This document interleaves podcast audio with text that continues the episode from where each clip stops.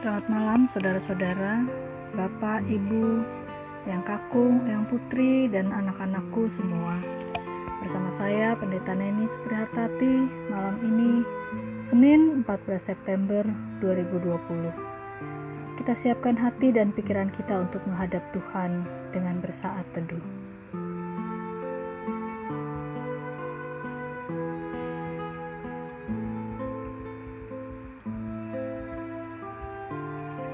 Pembacaan Alkitab malam hari ini dari Kejadian 48 ayat 8 hingga ayat 16. Kejadian 48 ayat 8 hingga ayat 16. Ketika Israel melihat anak-anak Yusuf itu, bertanyalah ia, "Siapakah ini?" Jawab Yusuf kepada anaknya, "Inilah anak-anakku yang diberikan Allah kepadaku di sini." Maka kata Yakub, Dekatkanlah mereka kepadaku, supaya ku berkati mereka. Adapun mata Israel telah kabur karena tuanya, jadi ia tidak dapat melihat lagi. Kemudian Yusuf mendekatkan mereka kepada ayahnya, dan mereka mencium serta didekapkan oleh ayahnya. Lalu berkatalah Israel kepada Yusuf, "Tidak kusangka-sangka bahwa aku akan melihat mukamu lagi." Tapi sekarang Allah bahkan memberikan aku melihat keturunanmu. Lalu Yusuf menarik mereka dari antara lutut ayahnya dan ia sujud dengan mukanya sampai ke tanah. Setelah itu Yusuf memegang mereka keduanya dengan tangan kanan dipegangnya Efraim, yaitu di sebelah kiri Israel, dan tangan kiri Manasye, yaitu di sebelah tangan kanan Israel lalu didekatkannya mereka kepadanya. Tetapi Israel mengulurkan tangan kanannya dan meletakkannya di atas kepala Efraim, walaupun ia yang bungsu, dan tangan kirinya di atas kepala Manasye, jadi tangannya bersilang, walaupun Manasye yang sulung. Sesudah itu diberkatinya lah Yusuf, katanya, Nenekku dan ayahku, Abraham dan Ishak, telah hidup di hadapan Allah. Allah itu sebagai Allah yang telah menjadi gembalaku selama hidupku sampai sekarang, dan sebagai malaikat yang telah melepaskan aku dari segala bahaya. Dialah kiranya yang memberkati orang-orang muda ini, sehingga namaku serta nama nenek moyang, nenek dan bapakku, Abraham dan Ishak, termasyur oleh karena mereka dan sehingga mereka bertambah-tambah menjadi jumlah yang besar di bumi. Saudara-saudara, dalam kisah yang kita baca dan dengarkan, Yakub disebut dengan panggilan Israel. Yakub menjadi rabun karena usia lanjut. Tetapi itu tidak menjadi masalah bagi Yakub. Ia tidak mengeluh karena penglihatannya sudah tidak jelas Baginya itu menjadi kebahagiaan karena berarti ia telah memasuki usia tua. Sekalipun Yakub matanya sudah rabun, tetapi mata imannya tetap sangat jelas. Yakub sangat sayang kepada anak-anak Yusuf. Ia mencium dan mendekap mereka. Sudah merupakan hal yang lazim bagi orang-orang yang sudah tua untuk memiliki rasa kasih sayang yang khusus kepada cucu mereka. Bahkan sayangnya lebih daripada ke anak-anak mereka sendiri ketika anak mereka masih kecil, yaitu menurut Salomo mengatakan bahwa mahkota orang-orang tua adalah anak cucu. Itu ada di Amsal pasal 17 ayat 6. Dengan kepuasan dan kebahagiaan yang tidak terhingga, Yakub berkata, tidak kusangka-sangka bahwa aku akan melihat mukamu lagi. Setelah bertahun-tahun, Yakub menganggap Yusuf hilang. Tetapi sekarang Allah bahkan memberi aku melihat keturunanmu. Perkataan yang mengungkapkan sebuah pengakuan akan kasih Allah yang memberikan kebahagiaan kepadanya. Ungkapan Yakub tersebut juga dinyatakan oleh Yusuf yang mengakui Allah dalam keadaan yang menyenangkan ini. Yusuf berkata, "Inilah anak-anakku yang telah diberikan Allah kepadaku, dan untuk lebih membesarkan berkat ini." Bahkan Yusuf menegaskan dengan menambahkan kata "di sini", di tempat pembuangan, di tempat perbudakan, di tempat kurungan ini, di Mesir ini. Di sini Yakub berkata, Allah bahkan memberikan aku melihat keturunanmu. Maka penghiburan bagi Yakub dan Yusuf menjadi dua kali lebih besar ketika mereka melihat semua itu berasal dari tangan Allah. Saudara-saudara, sesungguhnya Allah dalam pemeliharaan campur tangannya yang penuh belas kasihan memberi melampaui harapan kita bahkan sangat memperbesar kemurahannya.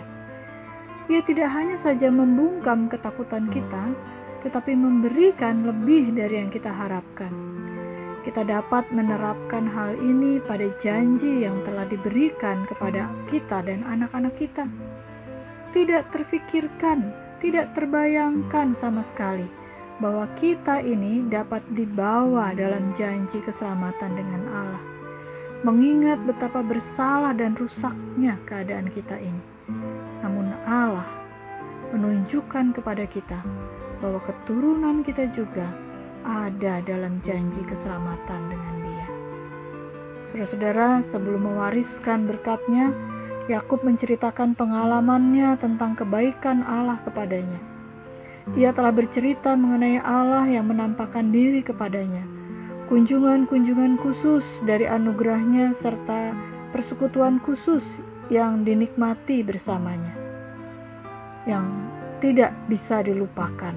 Itu ada di ayat 3 Yakub juga menyampaikan tentang pemeliharaan ilahi yang tidak putus-putusnya atas dirinya sepanjang hidupnya Yakub katakan bahwa Allah telah menjadi gembalaku selama hidupku sampai sekarang Perhatikanlah perkataan Yakub ini yang hendak menyatakan bahwa ia terus-menerus mengalami kebaikan Allah dalam menyediakan kebutuhan hidupnya.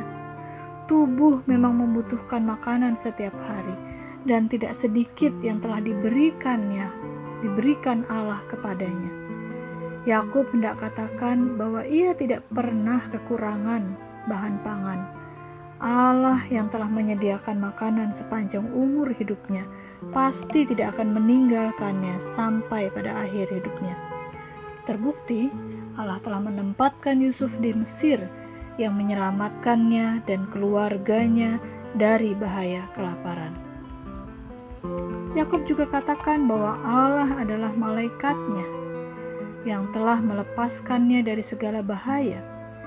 Yakub telah mengalami banyak kesulitan dalam hidupnya namun Allah berkenan menjaga dia dari bahaya yang menimbulkan yang ditimbulkan oleh masalahnya. Ketika ajalnya sudah mendekat, ia memandang dirinya sebagai orang yang dilepaskan dari segala bahaya dan mengucapkan selamat tinggal untuk selama-lamanya kepada dosa dan penderitaan.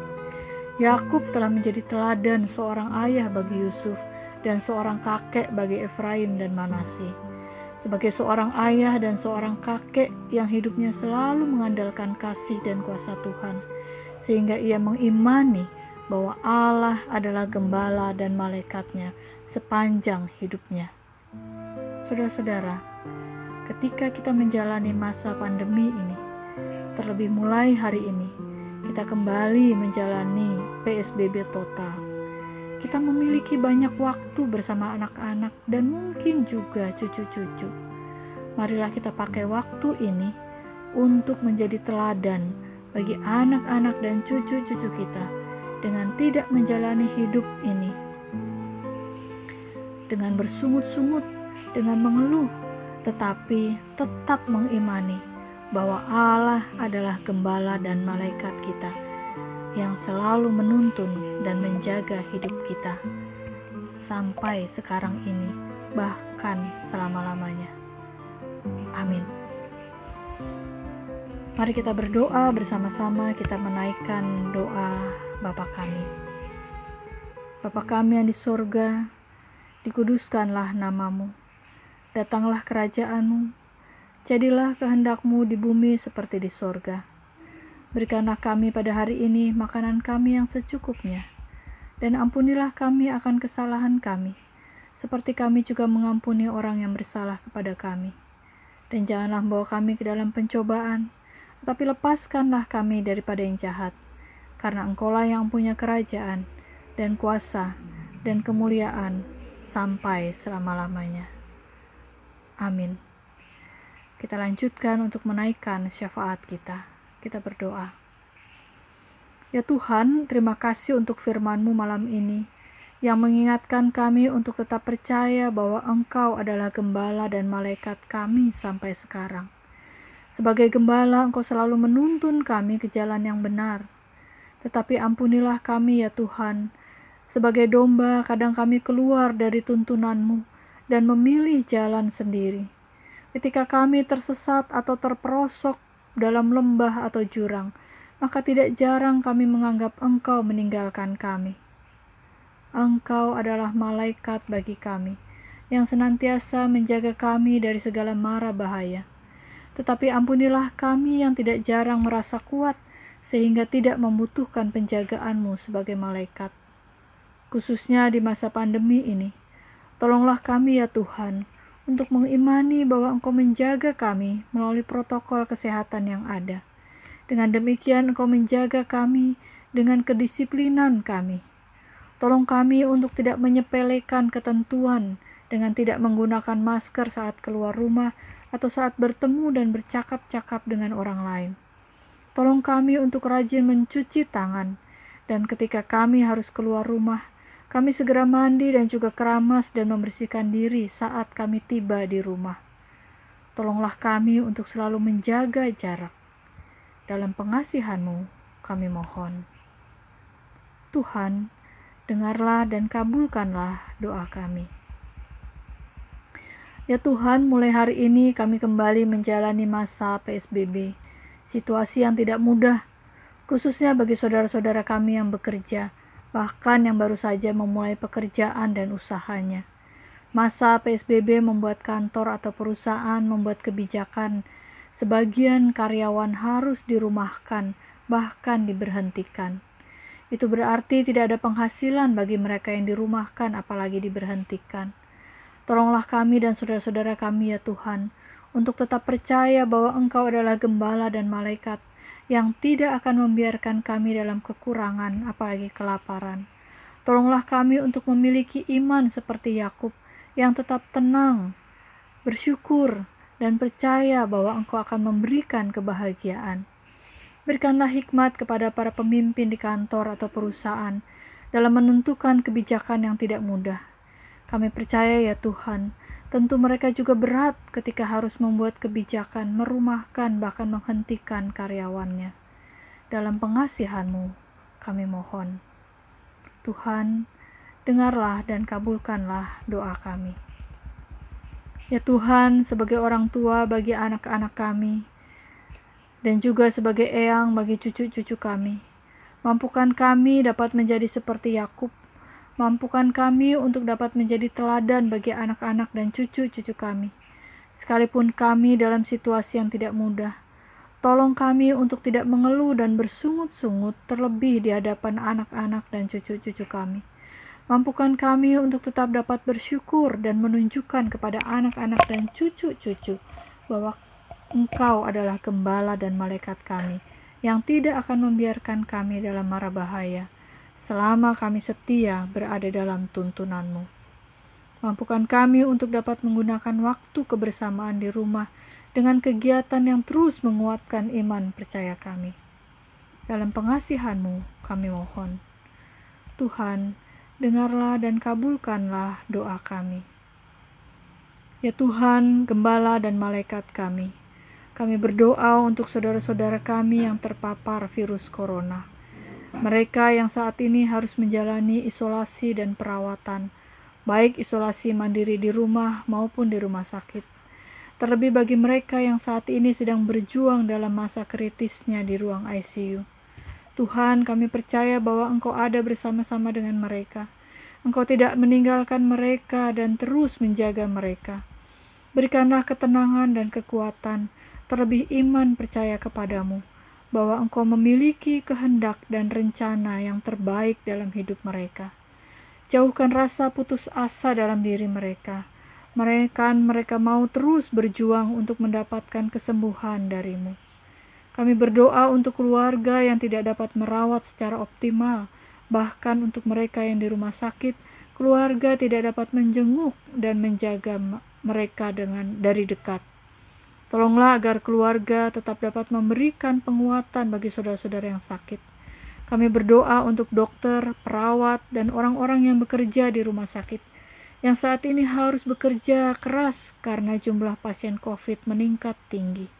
Berikanlah kesehatan kepada mereka dan tolonglah mereka untuk juga mematuhi protokol kesehatan. Dalam pengasihanmu kami mohon. Tuhan, dengarlah dan kabulkanlah doa kami. Amin. Saudara-saudara, tetaplah setia menjadi pendoa. Selamat malam, selamat beristirahat. Tuhan menjaga kita semua.